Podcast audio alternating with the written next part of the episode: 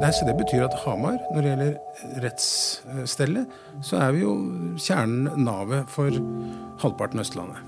Du kan si at uh, rettssamfunnet, da, som selvfølgelig er basert på, på, lover og regler, det er bunnplanken i ethvert uh, demokrati. Velkommen til podkasten Byen vår.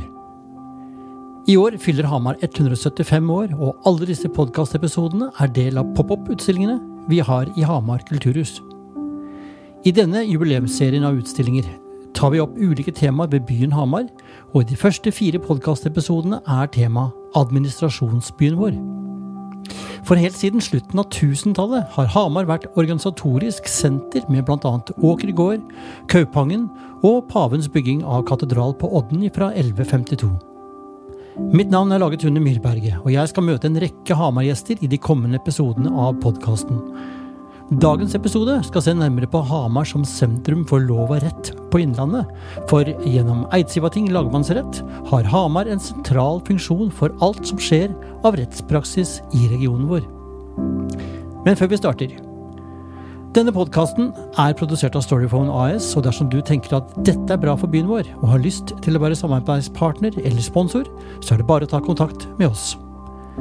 I denne episoden får du møte tidligere lagmann Torolf Groseth og lagdommer i Eidsivating lagmannsrett, Ørnulf Rønnebekk. Episoden er spilt inn på Park i Hamar tirsdag 6.2.2024. Så her gir jeg min samtale med Torolf og Ørnulf. Sammen her på Park i dag så har jeg fått med meg to herremenn. Det er tidligere lagmann, men nå pensjonist, Torolf Groseth. Han, han, nikker bare. Ja, ja. Der er livet der. Det er liv fremdeles. ja, veldig godt å høre. Ja. Og sammen med deg, når jeg snakka med deg, Torolf, så sa jeg liksom Hvem kunne du tenke deg å snakke med når temaet er lover og regler? Og da sa du det må bli Ørnulf Rønnebekk. Velkommen, Ørnulf. Jo, takk for det. Ja. Takk. Dere er jo Hamar-karer begge to, bosatt her. Eh, originalt vet jeg sannelig ikke om dere kommer herfra. Er dere født og oppvokst her? Nei. Nei. Er du Ørnulf? Nei. Nei, jeg gikk på ungdomsskolen på Brøttum, så jeg er vel eh, fra Åsmarka. Ja, akkurat. Mm. Brøttum. Ja, det er på rett sida av Mjøsa. Ja, men det var Lillehammer som var min uh, ungdomsby, og ikke Hamar. Nei, ikke sant. Nei. Men uh, begge to bor på Hamar nå? Det er riktig. Ja, ja. Du, Dere har jo kjempespennende bakgrunn, uh, både fordi at du, Ørnulf, jobber jo nå i Eidsivating lagmannsrett, og er lagdommer der. Mens du, Torolf, har en veldig spennende bakgrunn. jeg har lyst til å starte med deg. ja. Eh, hvis vi kan eh, rett og slett eh, se på Hamar som et lovsted, kan vi rett og slett hoppe tilbake til år 1274? Ja, du kan hoppe lenger òg, hvis du vil det. Men ja. det er ganske naturlig. Oss ta sats. ja, ok. Nei, det var jo da Eidsivating ble etablert da, som, som Eidsivating, men ikke i Hamar. Det kommer, det kommer senere. Men det er jo en tidligere uh, tinghistorie på Hamar uten å se til Åker. Det er det. Og da var det en, eh, en del av et større uh, lovsamfunn mm. her på uh, disse trakter. da. I Opplandene, som det het den gangen. Ja, ikke sant. Hvor stort område var det det jeg, hadde sin myndighet? Nei, Det som hadde tingsted på, på Åker, var ikke så stort. Uh, men det var altså en del av tingstedene som ble slått sammen ja. og lagt til Eidsvoll under Eidsivating da i 1274. Nemlig. Men eh, ja, så ikke sant, det er 29 år siden Eidsivating eh, lagmannsrett ble etablert her på Hamar. Ja. Hvilken rolle hadde du da? Da var jeg lagmann. Og det var eh, administrasjonssjef Engen og jeg som da fysisk etablerte domstolen her, da. Hvor var det dette skjedde? hvor den ble etablert, ja. rent fysisk? Jo, det var på tomta der hvor rådhuset står i dag. Det var eh, gamle Ideal flatbrødfabrikk, som ble ah. vår, vår dom, første domstol her. Nokså provisorisk. Ja. Før da i 1999 flyttet inn i det nye tinghuset. da. Når er det du kom hit, da, Ørnulf, og begynte å jobbe der? I 2005. Eh, jeg har vært dommer siden 2005 her på Hamar. Ja, ikke sant. Mm. Hva er det du gjør da? Hva er liksom jobben Hva går det ut på, Ørnulf? Ja, Spørsmål hvor grunnleggende du skal ha dette her. Da. Ja, Det skal være forståelig for lytteren.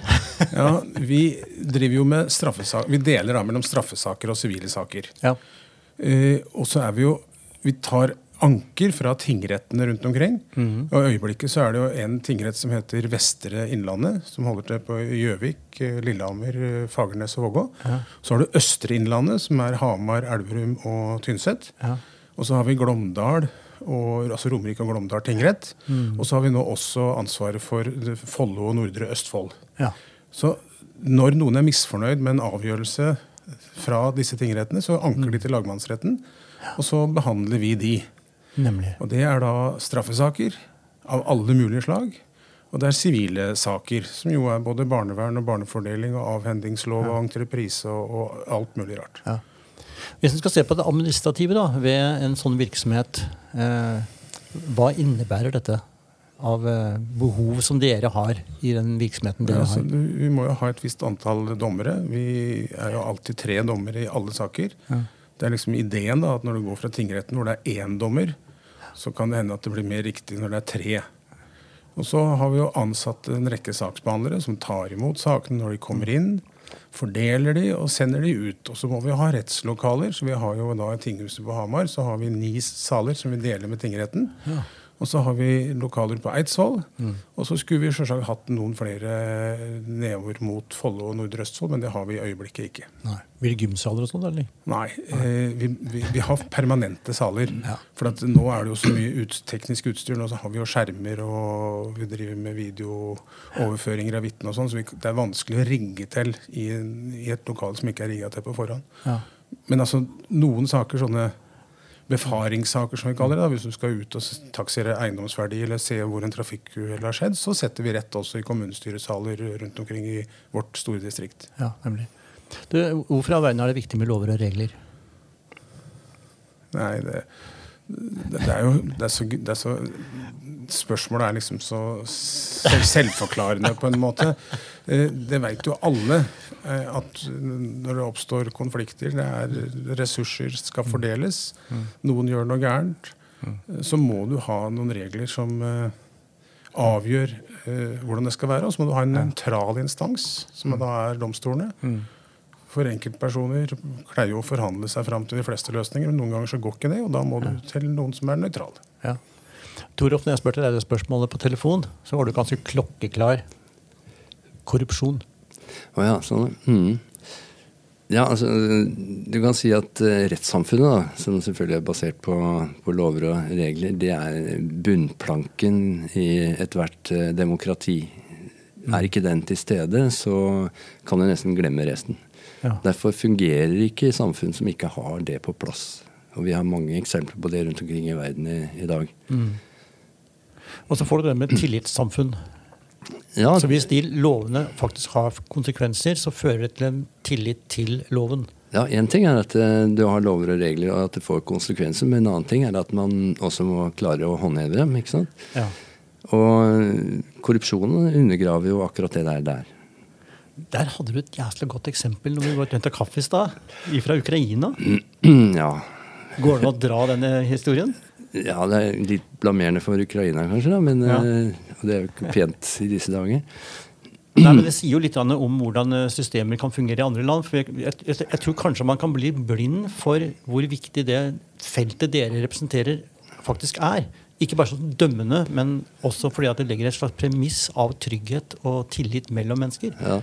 Nei, så Det går litt på det at eh, de som da skal bli liksom prakket på disse lovene og reglene, de må også skjønne hva det går ut på. da. Ja, for ungdommen i Ukraina, kan du bare si litt om den? Ja, det, det var det hjelp til å innføre samfunnsstraff som en straffart i, eh, i Ukraina. da. Så Ja. jeg jobbet da med regjeringen og, og Kriminalomsorgsdepartementet, for å kalle det Ja. det, der. Altså Samfunnsstraff som at du ikke skal sitte i fengsel, men faktisk utøve et eh, Utøver samfunnsnyttig samfunnstjeneste, da, Ja. som det het først. Ja. Ja. Hvordan falt det jo Jo, det- ble, det- Hvordan ble det mottatt? Jo, eh, nei, de syns jo det er litt pussig. Eh, Alle nye sånne rettsregler som man ikke er vant til, de, de syns man er litt eh, snålete å begynne med, selvfølgelig. Man venner seg til dem. Ja. Var det Michael Moore som hadde den der, eh, dokumentaren sin som gikk på liksom avstraffinger rundt omkring i verden for å se på hvordan amerikansk avstraffing er i forhold til europeisk? og Da var det jo enkelte scener i Norge han ikke kunne bruke den siste filmen. han, var- han var på Ja. Bastøya, ja, og der var det jo en øksemorder som fikk utdelt øks for å hugge i og hugge ved. Og det tenkte han det, det kan jeg ikke vise til USA. Det- Det ble for, det ble for sterkt, rett og slett. Men det, det, det er ikke noe rart, egentlig. Altså, jeg var uh, i mitt tidligere liv da i Afghanistan og Ja. besøkte der et fengsel. Eh, og eh, første vi traff, var eh, en innsatt på et Han jobbet da i, i snekkerverkstedet. da. Og han hadde en sånn der veldig svær øks. Den så ut som sånn man hogget huet av i folk med i, i middelalderen. Ja.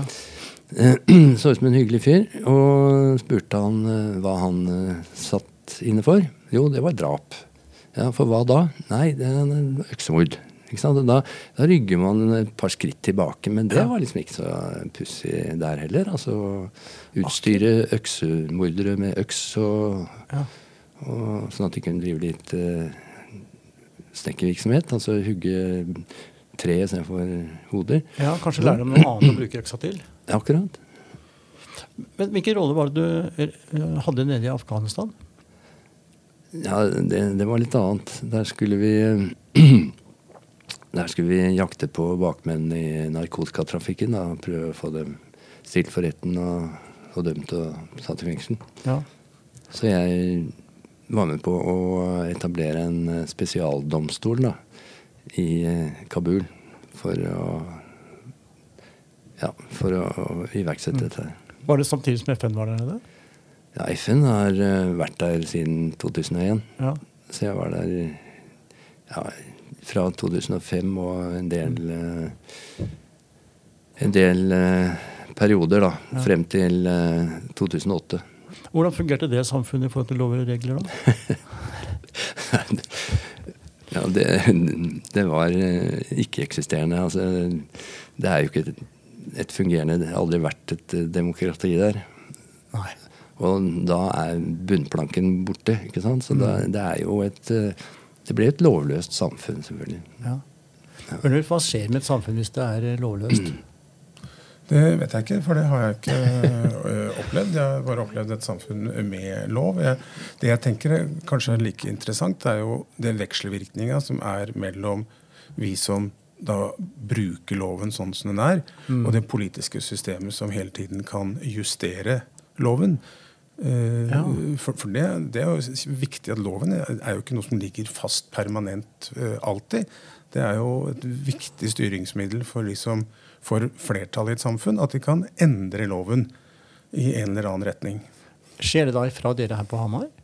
Nei, vi, vi er ikke, Det er jo Stortinget som vedtar lover i dette landet. Ja, men tenk deg, liksom Den rettspraksisen som utøves da på Eidsivating, eh, vil jo være førende for andre typer saker. Ja, men det er Høyesterett sine avgjørelser som eh, er mønsteravgjørelser. Det er når du ikke har en høyesterettsavgjørelse at du blar febrilsk for å se om en lagmannsrett skulle ha vært utsatt for den samme problemstillinga tidligere. Ja, okay. Og Hvis du finner noe der, så tenker du at ja, det er kanskje fornuftig, men du er ganske fri til å komme til en annen løsning. Men eh, hvis Høyesterett har sagt noe, så ligger det fast. Men hvis det politiske flertallet er uenig i noe som Høyesterett har kommet fram til, Ja. eller tenker generelt at her er det et samfunnsproblem som loven ikke løser ordentlig, så, lager man jo, så fremmer man jo forslag om å lage nye lover. Ja. Og Jeg jobba jo i Justisdepartementet i mange år før jeg kom hit som dommer, og var med da å skrive lovforslag. Eh, For det, det er jo vitsen med å vinne Politikerne styrer ved to virkemidler. De styrer ved budsjett og, ved, og ved lov. Så det er jo vitsen med å vinne flertall og, og lage regjering, er at da har du hånd om det å lage budsjettet, du har hånd om å fremme lovforslag. Nemlig. Så det, det, det er jo kjempeviktig. Ja. Sånn som f.eks. ny universitetslov nå som er presentert i dag. Ja, Det er et eksempel på, en, på et lovforslag, ja. Ja, ja. ikke sant? Eh, når det kommer til det med å forme lover, eh, hvordan er det det egentlig skjer i Norge? Hva er prosessen? Det er, en- det noen tar jo et initiativ. Ja. Og Så setter man gjerne ned et offentlig utvalg og lager en NOU. Og de som sitter i det utvalget, det er da, kan være eh, eksperter på det området. eh, fra ulike måter, Og så kommer dette til departementet, og så sendes dette på høring, slik at alle involverte instanser, personer og foreninger og sånn. Og så lager man til slutt en proposisjon som man fremmer for Stortinget. Ja. Så det er jo en omstendelig prosess, men forhåpentligvis også det er en grundig prosess, slik at man i hvert fall ikke overser helt uh, uh, At man ikke blir for mye feil. Ja. Er det, det, er en norsk prosess. Mm. Hvordan er dette her i f.eks. Moldova? Torolf? Nei, eh, det er fremdeles eh, Stortinget, eller hva det heter, Rada enkelte steder og ja. osv. Men eh, parlamentet, da, som, som, er lovgivende forsamling, sånn er det i alle demokratier rundt omkring. Mm. Eh, og man har jo liksom sånn forskjellige avarter av demokrati også. Alt fra det sånn som vi kjenner, og, og til litt mer sånn lurvete utgaver, da. Ja, for Men, du, har vært, du har vært involvert i Moldova? Ja da. Jeg har vært involvert både i Moldova og Ukraina. Ja. Men det som Da er vi jo kan vi si Øst-Europa. Mm -hmm. Og det var jo det samme i, i i eh, Afghanistan, som hadde vært under Sovjetunionens styre i, i ti år. Mm -hmm. i, I forbindelse med okkupasjonen. Og da uh, tok man til seg en del av de, de østeuropeiske systemene. Og det går ut på altså, at påtalemyndigheten har en veldig stor makt. da. Ja. Noe som et prokuratorium. Og det, det går ut på altså at at påtalemyndigheten er altså på mange måter en instans som ligger over de andre i rettssystemet. Til og med over eh, domstolene. Oi. Så de kontrollerer på mange måter eh, eh, alt. Det er den direkte kanskje utøvende organet til eh, øverste lederen i Russland nå, han som Putin. Mm -hmm. Og det vil si altså at den, eh, det vi eh, forbinder med demokrati, med maktfordeling osv., det er ikke til stede. Nei. I samme grad, iallfall. Og derfor så har altså kan si, påtalemyndigheten en helt annen eh, rolle enn det vi har her. Ja. Bl.a. i Øst-Europa. da, Så har de også mange sivile oppgaver. Altså kontrollere barnevern osv. osv. Som ikke er naturlig for oss. Jøsses. Ja. Når du var da eh, engasjert der nede i Moldova, var det da å jobbe med prosesser for å endre det her, eller tilføre noe de ikke hadde? Nei, da hadde jeg en helt annen oppgave. Da underviste jeg eh, dommere, påtalemyndighet og advokater i menneskerettigheter. Så det ble helt annet. Oi, ja, det ble helt annen ting. Ja. De var ikke så gode på det, da, for å si det sånn. Nei. Det var et uh, stykke å gå. Det var det. Ja. Men har det ikke vært ganske stor utvikling på det landet i retning av demokrati? De siste ti årene i hvert fall? Ja, Det har gått frem og tilbake. Fordi eh, eh, det er et land hvor eh, omtrent 50 av eh, befolkningen er eh, orientert vestover og 50 eh, østover. Ja. Så, så, dette her skifter fra valg til valg omtrent. Mm. Og dermed så, så, vet man aldri hvor liksom, det ender, da. Det følger makta mer enn kanskje verdisynet? Ja. Ja, det gjør det. Fordi den som har, uh, har hånd om det hele, styrer, styrer, alt. Så når jeg eh, var der, så, så snudde det. Uh, fra vest til øst. Og dermed så trakk uh, alle, iallfall praktisk talt alle vestlige hjelpeorganisasjoner og andre som var der, seg ut. Ja, nemlig. Har dette noe med Ukraina-krigen å gjøre? Eh, ikke direkte nå. Nei, Men den gangen? Eh, nei, for det var før jeg var der fra eh, 2012 til 2014 i Moldova. Ja, ok, så Balkan. Altså, jeg var i Moldova når eh. Maidan-opprøret i Ukraina skjedde, og når, eh, ja. når eh, Russland da gikk inn i, inn på Krim ja, og nemlig. tok den. Ja. For nå, hvis jeg skjønte riktig nå, så er i hvert fall Moldova veldig påvirka av det som skjer i Ukraina? Ja, og de, de er virkelig i faresonen, selvfølgelig. Ja. Fordi de er så tett på, på, Ukraina og Russland. Russland har jo da eh, såkalte fredsbevarende styrker stående i eh, utbryterrepublikken i Moldova som heter Transnistria. Der står det 1500 eh, skarpt bevæpnede soldater klare til eh, hva som helst. Wow, for et konfliktområde. Ja, det er, eh, og det er et land som er veldig enkelt å, å okkupere. Skjønner vi nordmenn egentlig hvor fredelig det er her? Ja, Det er jeg litt usikker på. Ja. Det som skjer, er jo at en del unge mennesker syns at dette er et veldig kjedelig samfunn, altså det norske samfunnet. Og så drar de til utlandet og så ser de at oi, det var ikke strøm i dag, det var ikke vann i dag, det var ikke mulig å få betalt noe. Altså forståelsen av hvor bra og hvor viktig det er med alle de institusjonene vi har her, det må du kanskje se i relieff når du ser hvordan det er der ting ikke fungerer. Ja. Og det er sikkert ting som ikke fungerer i Norge òg, men det meste fungerer jo helt vanvittig bra i forhold til veldig mange andre land i verden. Ja. Så, så hvis du er misfornøyd, ta deg en tur ut og se hvordan det kunne ha vært. Godt poeng. Du har sett mye av det, Torolf? Ja. Har du vært ute i utlandet sånn sett, Ørnulf? Ja, jeg, jeg har bodd i Sveits og Luxembourg, som jo regnes som eh, det er, ikke, det er ikke direkte hardship. Det er ikke det. Det er ikke det mest konfliktfylte. Nei, altså, Sveits vil jeg sagt, faktisk si at fungerte like bra som Norge, egentlig. Ja. Nå er dommerlønningen blitt så, så drøye at uh, man flytter til Sveits. Ja, Det, det, var, det, var før, det var før jeg ble dommer at jeg bodde i Sveits en periode. Eh, ikke sant. ikke sant. Eh, jeg tenkte å ta et eh, lite grep over til kanonisk rett. Altså kirkerett historisk. Eh, du var inne på det, Toralf. Ja. Hva ligger i det? Nei, altså, det, ligger Det ligger jo i navnet. Altså Poenget er at eh, når kristendommen da ble innført, så fulgte det også med en del eh, skal si, etiske mm. normer. da. Og det, det var en del av de, de eh, metodene man hadde da i forbindelse med særlig strafferetten og sånn, som, mm. som ikke var helt i harmoni med, med si, det kristne budskap. Ja. Så eh, da avskaffet man jo retten til eller blodhevn, eksempel. Ja. Det var ikke så veldig hyggelig og stilig lenger. Men det var en selvsagt ting at man skulle gjøre. Man hadde faktisk plikt til det i, gamle dager. Ok, såpass. Ja, ja, Ja. Det sto eh, bl.a. i Gulatingsloven Ja. at du kunne ikke komme og rekende med en sak hvis du ikke hadde forsøkt å ordne opp sjøl. Var det en type kunnskap som nyttig å ha med seg når du var i Moldova? Ja, jeg tror ikke akkurat jeg ville innføre Gulatingsloven i Moldova. Altså, men, Men eh, kanskje dere hadde det sjøl? ja, nei, altså, det, var ikke noe gærent i og for seg med, med mye av lovgivningen der. Men eh, poenget var jo det at de eh, av forskjellige grunner, bl.a. at de var så fattige Det var Ja. jo Europas fattigste land. Ja. Så klarte de ikke å håndtere ja, bl.a. innsatte, varetektsfanger osv. på en eh, ordentlig måte.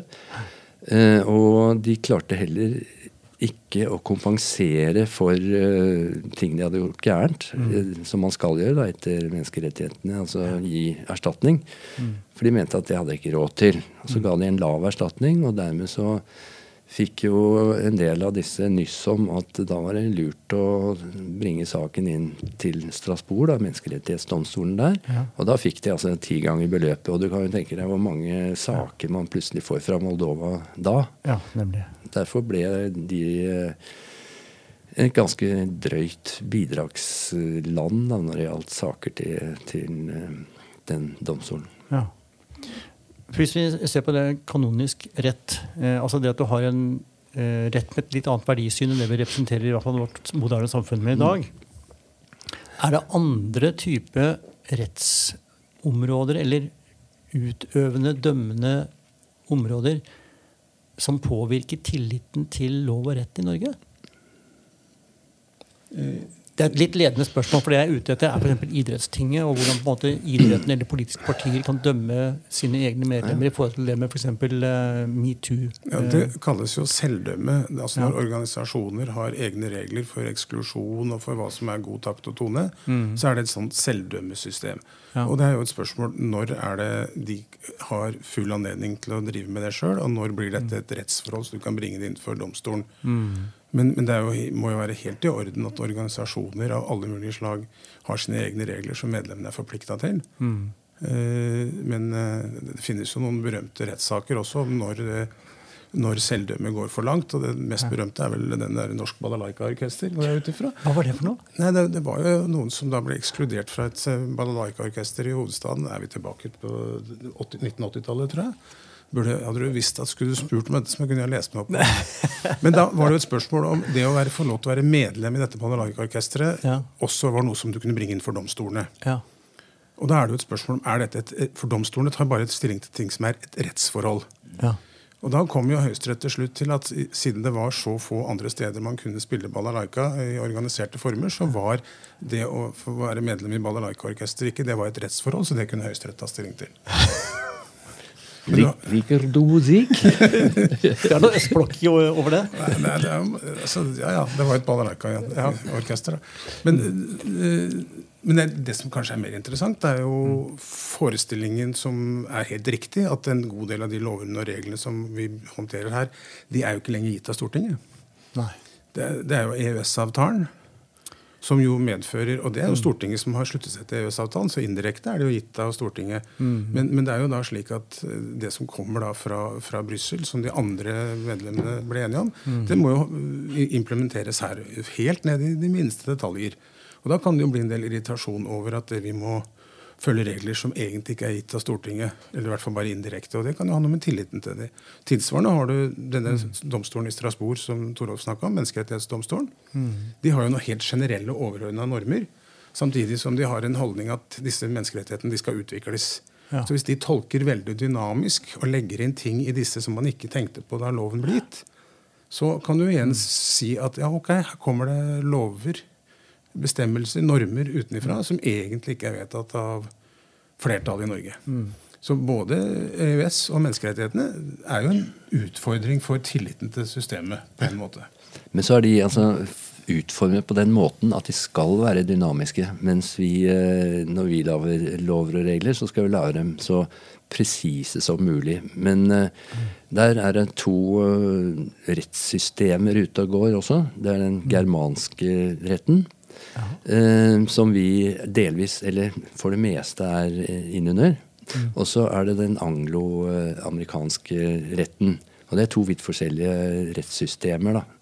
Uh, mens vi har altså en slags hybrid, men mest mot germansk rett. Hva er forskjellen på de to? Forskjellen er at uh, det står i loven hva som er lov, eller hva som ikke er lov.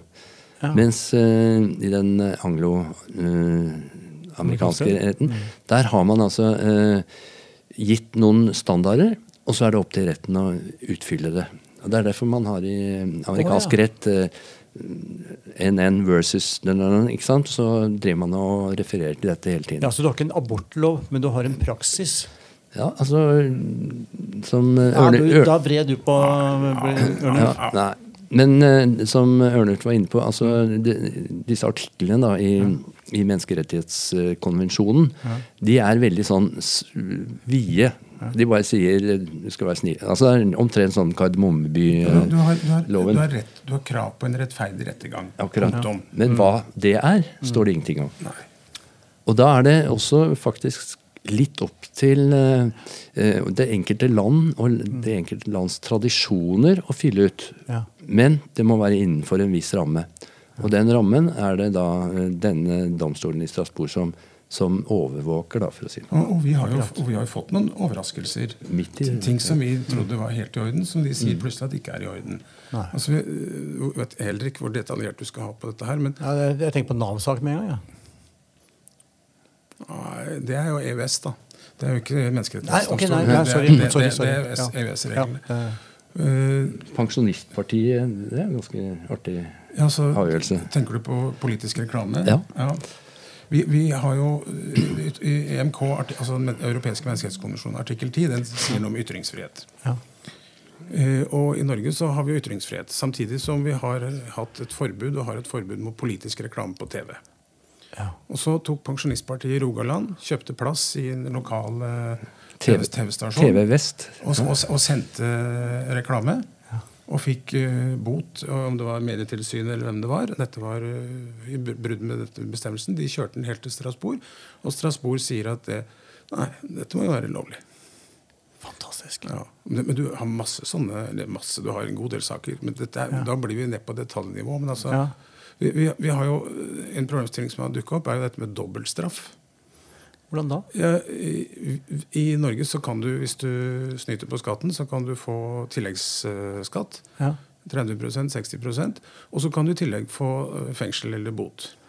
Ja, og, på den og, måten. ja, og da er det jo spørsmål kan du, Har du da fått dobbeltstraff? Har du, er det den samme straffbare forhold som både behandles av forvaltninga og av domstolen? Mm. Og Der har det vært masse fram og tilbake. Noen gang så trodde man at det gikk på rekkefølgen. og senere... Dette hadde vi ikke vi tenkt på. Vi tenkte at dette var helt greie, fine systemer. Mm. Vi kjører parallelle systemer. Ja. Det er også unger som er plassert på institusjon fordi de har gjort noe veldig gærent. Og så I tillegg så får de da en påstand om at de skal få straff for at de brente ned den, eh, den kirka eller det huset eller banka opp den læreren. Men, men hvis de da, grunnen til at de sitter på den institusjonen er det samme, så er det også spørsmål er det dobbeltstraff eller er det ikke. Ja. Det samme hadde vi med, med førerkortbeslag og inndragning. Og, og straff for overtredelse av veitrafikkloven ellers. Så inndragning er én straff, men Ja, eh, ja. boten er en annen straff? Ja, det ble jo da eh, man, man måtte jo da foreta det der eh, i, i, i domstolen, da. eh, Samlet. Altså straffen for den handlingen man har gjort, og inndragning av førerkortet. Ja. For før så, så var det jo da politi som ordnet dette, og så kom domstolen etterpå med, med dommen, da. Ja. Jeg, jeg tenkte også på en ting nå. Nå er det veldig aktuelt med mastergrader eh, og toppolitikere. Eh, og i det øyeblikket den meldes inn til ny vurdering med Kirkevold eh, Er ikke den heter det? Den derre eh, helseministeren. Så viser seg ja. så altså, framstår det i hvert fall i media som at det er ulik praksis for eh, reaksjon på de forskjellige universitetene. Så det er en overordna regel om at man skal tas for fjusk, men ikke hva straffen skal være, og at det er opp til hvert enkelt universitet. Stemmer ikke det? Jo, sånn har jeg forstått det, men det, Dette kjenner jeg bare fra mediene. Men, men jeg syns ikke det er så rart. Altså, hvis disse høyskolene og universitetene er relativt autonome og har sine egne regler, så er det klart at praksisen vil være ulik. Altså, det, jeg, jeg irriterer meg jo når jeg hører nyheter på NRK om at det viser seg at det, praksis er ulik fra kommune til kommune. på et eller annet. Så, ja, men selvfølgelig er det det. Det er derfor vi har ulike kommuner. Og de har ulike kommunestyrer, og de kan da vedta ulike ting. Altså, det, det er jo like dumt som å si at det, det er ulikheter i mellom Norge og Sverige. Men, men, men det er det jo, for at det er to ulike systemer. Det er to ulike flertall. Men er det ikke en veldig sånn oppfattelse i Norge om at alt skal være likt og rettferdig? Jo, men er, ja. Rettferdig er riktig. Rettferdig er én ting, likt er noe annet. Ja. På hvilken måte? Men hvis du lever i et samfunn som har lov til å gi normer, det har jo kommunene, det har universitetet, det har foreninger, så kan noen andre, andre kommuner andre gi andre regler. Ja, Da er det jo likt for de som bor i det området, men det betyr bare at du, det du egentlig da sier, er at du vil ha en sånn enhetsstat, at det skal ikke være annet enn én instans i hele landet som kan gi normer. Men, men det ligger jo i hele lokaldemokratiet, at man også lokalt kan vedta bestemmelser hvordan man ønsker å ha det Akkurat. på noen områder. Og da vil det selvfølgelig bli ulikt fra kommune A til kommune B. Ja, Ja, så- Det er fordi at det er ulike flertall i de to kommunene. Og en kraftkommune på Vestlandet kunne prioritere økonomien sin mye rausere enn en uh, Robøk-lista på Østlandet. Ja, Ja. Ha. Da blir det forskjell. ja, selvfølgelig gjør det det. Ja.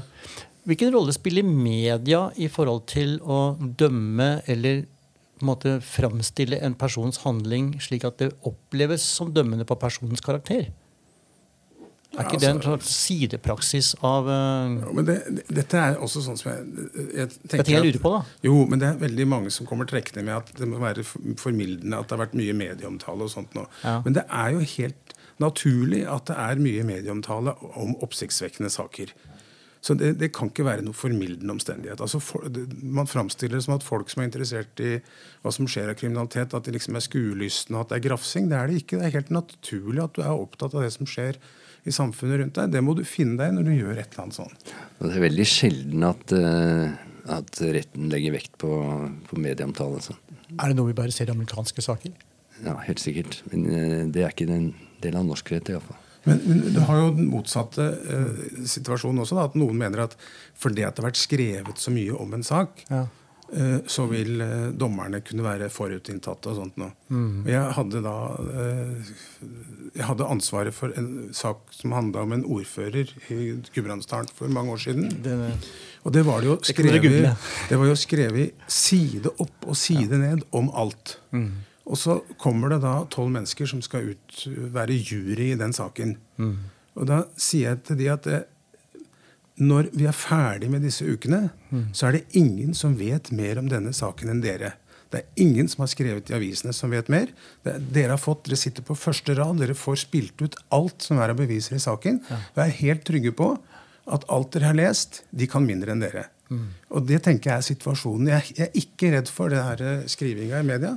For når dommerne går grundig inn i dette og får høre ting som sett i sammenheng, andre ikke får høre, så, så er man ekspert på saken. Baneheia-saken da? Den har, det var jo utenfor uh, Vårt mitt lagdømme. Ja, det var det. Men kan jeg ikke- det skjedde i Norge, iallfall. Trenger vi ikke, ja, trenger ikke uttale meg om den. Ja. Nei. Men det skjer jo ting eh, Jeg vet at det annet er eh, blitt en ny måte å tilnærme seg det med å avhøre eh, aktører i saker. Det begynte vel med, med ABB og Utøya-saken. Med det å være dialogisk i forhør for ikke å lede Det er jo han, det er jo han Rachlev som, Ja. som framstår som den som har kanskje hovedansvar for at det er blitt mye mye bedre.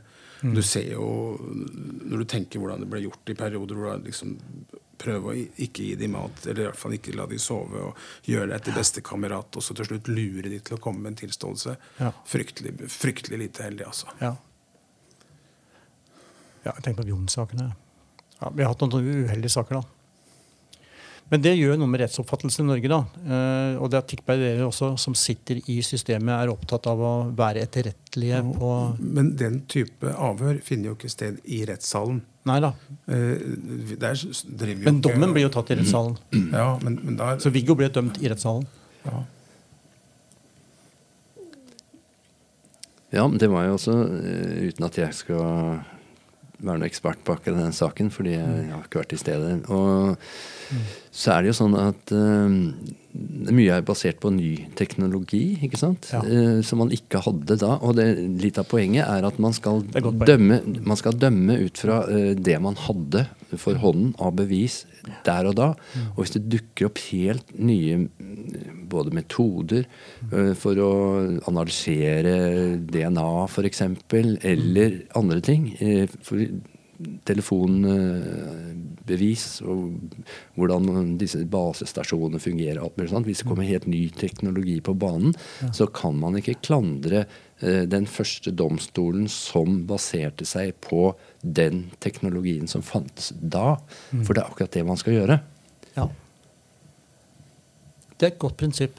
Ja, Man kan ikke, man kan ikke ta høyde for at det kanskje kommer en teknologi en gang som kan gi svar på Eller gi et annet svar. Ja. Sånn kan man ikke Man må benytte den informasjonen som man har når saken skal opp til doms. Kan det bety at ordresaken kan komme opp nytt? Den kjenner du godt til. Den kjenner jeg veldig godt til. Det vil jeg da helst ikke uttale meg om, fordi det blir feil. Ja.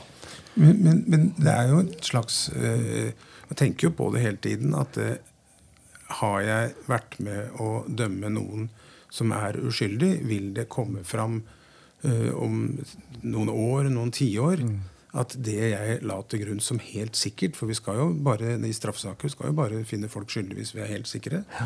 Som viser seg at der tok jeg faktisk fryktelig feil. Ja. Og det er, jeg har jo ikke noe ønske om å gjøre sånne feil, men jeg- man kan jo aldri vite om det skulle dukke opp, uh, dukke opp noe. Mm. for det, det å dømme en enkeltsak på premiss av det som fremlegges, er jo en ting. Ting hvis det er et systemisk problem.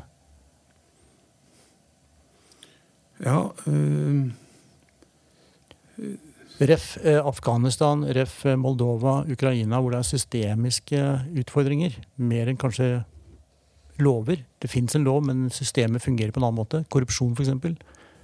Ja, altså vi, vi, eh, vi dømmer jo i konkrete saker. Altså. Vi forholder oss bare til, til det.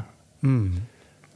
Ja, Vi får jo innimellom spørsmål fra venner og bekjente og familie om liksom, er det noe økning i kriminaliteten. eh, og sånn. Så jeg, det vet jeg ikke. Jeg har ikke akkumulert eh, kunnskap om dette. Jeg går fra sak til sak, og dagen etter så har jeg nesten glemt den, for da er det ny problemstilling. Så, så jeg, det er helt umulig å spørre meg om liksom, akkumulert kunnskap. Da må jeg henvise til SSB og kriminalstatistikk. vet jeg ikke noe om. Men det er en pussig greie. altså Etter å ha holdt på i så mange år, så, så husker du nesten ikke de sakene. Sier du det? Ja, ja. Det, noen husker det selvfølgelig, men ja. Men eh, det er som eh, Ørnulf sier, eh, du gjør deg ferdig med saken, og så bare drar du ned gardinen, så er du ferdig med den, går til neste. Er det en slags profesjonell distanse? Antageligvis. Nei, det er, ekst, det er utslag av et ekstremt arbeidspress, selvfølgelig. det ja. Alt for, ja. For, kombinert Nei, det- med altfor dårlig lønn. Nei, nei, jeg er ikke enig i det. Vi har mer enn god nok lønn. Ja, ja, sagt før, og alle kollegaene mine sier at du skal i hvert fall ikke være tillitsvalgt. Nei, men jeg har, klarer meg meget godt på den lønna jeg har. Ja, helt enig. Eh, Men det er klart det er et produksjonspress. Ja. Eh, Og det er jo ikke noe rart heller. Altså, jeg sitter med en, en sak. eh, Jeg skal ta stilling til om eh, den ungen skal ha jul hjemme hos mor eller far. Ja. Jeg har jo ikke noe lyst til å la den ligge til mandag hvis jeg kan gjøre det ferdig på fredag. Den ungen vil jo ha svar så raskt som mulig. Så, så det er et sånt eh, eh, Du ønsker å bli ferdig så fort som mulig fordi at du vet at det er noen der ute. Det handler om mennesker som ofte er i sitt livs store drama. Da skal ikke jeg eh, dra beina etter meg. altså. Nei. Men samtidig så må, må det være nøyaktig, da. ikke sant? Ja. Det er det. Altså Sånn eh, venstrehåndsarbeid, det går ikke i, i vår bransje. altså. Det gjør ikke det. Og vi har eh, Vi er jo tross alt liksom eh, hakket under Høyesterett, ikke sant? så Mm. det, det er ganske alvorlig. Det er ikke sånn at du kan si ja ja, ta i feil, så kan noen andre ordne opp i det. Hva betyr det for Hamar å ha en sånn virksomhet her i vår by? Ja, det, det, jeg, jo, jeg tenker jo på en måte at Eidsivating lagmannsrett dekker et stort geografisk område. Og jeg knytter det ikke liksom så Jeg skjønner at vi er, har Hamar som hovedbase, og sånn, men jeg tenker liksom hele distriktet. Uh, og hvis, vi har jo dommere som bor på Gjøvik, på Lillehammer. Vi har flere som bor i Oslo og kommer med toget. Uh, så vi, vi sanker jo inn eh, ressurser fra et mye større område enn bare rundt Mjøsa her også. Så jeg veit ikke liksom hva det betyr. Det er klart det blir noe arbeidsplasser Det blir en form for urbant hjerte, da. Altså, vi, vi, fra starten av så, så var vi mye mer ute eh, og tok saker der de mer eller mindre hørte hjemme, da. De kom fra. Men så eh, begynte jo eh, ressursene å skrumpe inn, og det ble dårligere råd. Og, og da trekker man sakene inn til hovedbølet, for å si det sånn. Da. Ja, og det er jo Hamar. Ja, sentralisering. Mm. Men, men ut fra en sånn rent økonomisk betraktning så er det klart at det betyr at det kommer mye folk hit. Ja. Det er en god del hotelldøgn, det er advokater, det er andre som bor her, for saken går over mange dager. Og jeg husker jo For en god del år siden så var det helt nytt tinghus på Gjøvik. Ja. Og så like etterpå så skulle tingretten på Gjøvik ha denne såkalt, eh, altså den dobbeltdrapssaken fra Nordre Land. Ja. Og da var ikke tinghuset stort nok, så de måtte flytte den til tinghuset på Lillehammer. Og da var det vel i Oppland Arbeiderblad en sak om hvor mye hotelldøgn Altså det er mye penger i en drapssak, ikke sant? Ja. Som Gjøvik gikk glipp av fordi de ikke hadde stor nok sal. Så, så, det, så det var litt sånn skuffelse over at det ikke var mulig å tjene mer penger på det drap, de drapene. Faen meg, ja, jeg skjønner. Um, neste år er det 30-årsjubileum. Hva skjer? Nei, det må ikke spørre meg. Nei, Jeg- ikke, spør- ikke spør meg. meg, Du er nei. tillitsvalgt, du må vite Nei, jeg er ikke tillitsvalgt. Det nei, ok. nei, nei, er for at jeg vil holde nede lønna. ikke sant? Mm. Nei, Da må du høre med førstelagmann Nina Solli, som har eh, ansvaret for det. Og om det er noen planer, det vet jeg faktisk ikke. Men det er ingenting som tyder på at dere kommer til å forlate Hamar. Nei, nei. Mm. Eh, Det er mer enn som så. For at vi hadde jo eh, Hedmark, Oppland og Romerike. Mm. Så ble det da plukka de vekk Follo og Nordre Østfold fra Borgarting i Oslo og ga Mm. til oss. Og det ligger også i kortene at vi skal få Søndre Østfold. Eh, Da blir vi jo ikke like store som Borgarting, men kanskje omtrent eh, på samme Det var nok antagelig en feil i 95 at uh, Eidsivating fikk de grensene de fikk. De skulle nok hatt litt større område. Ja. For Borgarting har jo, i hvert fall tidligere, så har det vært for, rett og slett for stort. Da, saker har drukna der. Nå er de ganske bra à jour, sånn som det vi er. Men jeg, jeg tror nok det er Nei, Så det betyr at Hamar, når det gjelder rettsstellet, så er vi jo kjernen, navet, for halvparten av Østlandet. ja. Så området vårt, altså eh, skal vi si, eh, jurisdiksjonen vår, da, for å si det sånn, Ja. det er kjempesvær.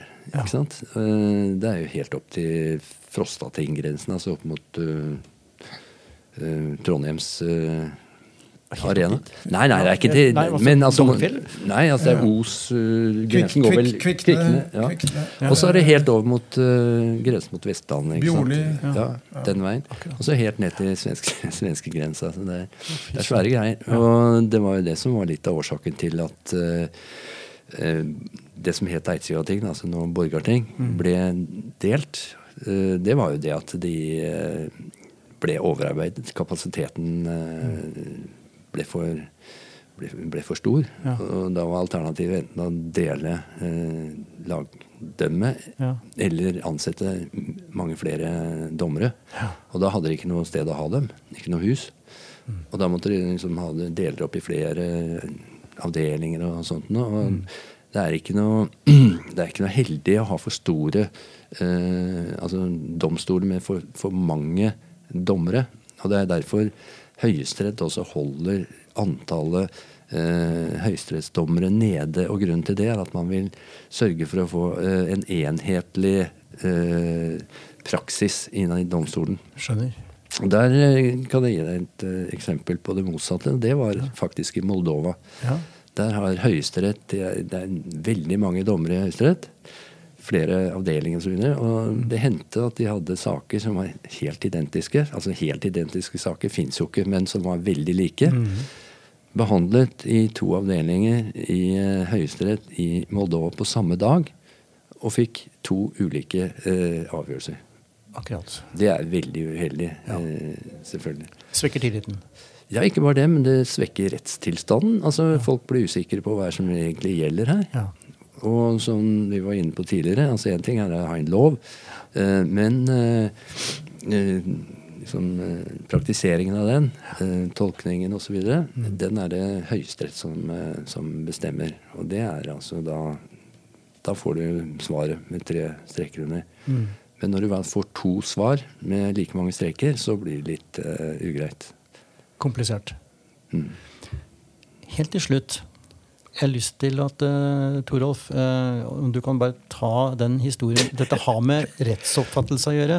Uh, og hvor, hvor, hvordan vi har det i Norge, og ikke tenker over egentlig hvordan det er. Hvis du tar, den, hvis du tar da og slår sammen malerkunst og oligark Ja, ja, ja jeg, Jeg syns den historien er ganske god. Den peker jo egentlig på Ja. viktige sider ved Mm. rettsoppfattelsen vår. Ja. Eller ikke vår, men eh, det som var ja. ja. Nei, altså Som jeg sa tidligere, så var jeg der for å, å hjelpe til å innføre den nye straffeformen uh, samfunnsstraff, da, som de hadde innført da, bare året før, eller et par år før jeg kom. Og den var helt ny, og litt ukjent for, for folk.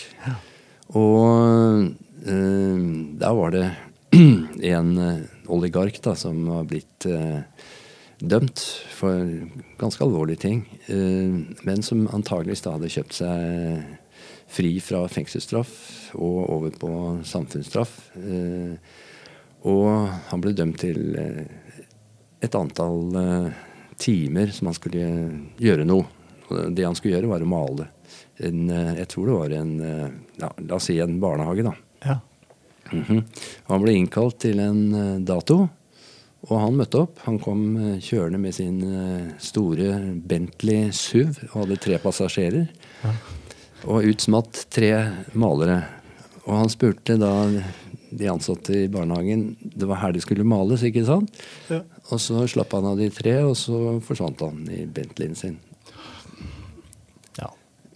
Korrupsjon. Ja, og en litt eh, dårlig forståelse av hva egentlig straffen med eh, samfunnsstraff egentlig gikk ut på. Ikke det at det skulle males en barnehage, men at det er han som skulle gjøre det da over en visst antall timer. Ja. Og ikke maleren hans. Det er så mye vi tar for gitt, men som en sånn historie kan belyse. Ja, men eh, ja, ja. Her gikk det jo på det at man kanskje hadde innført en type straff som man ja, kanskje ikke helt hadde fått ut til folket, og ikke fått dem til å forstå liksom, hva dette gikk ut på. En annen ting er jo det at uh, disse oligarkene som vi snakker om, de gir fullstendig blaffen i lover og regler. Så man kan jo egentlig innføre en hvilken som helst eh, straffart og straffereaksjon uten at det betyr noe for dem. Utrolig god historie.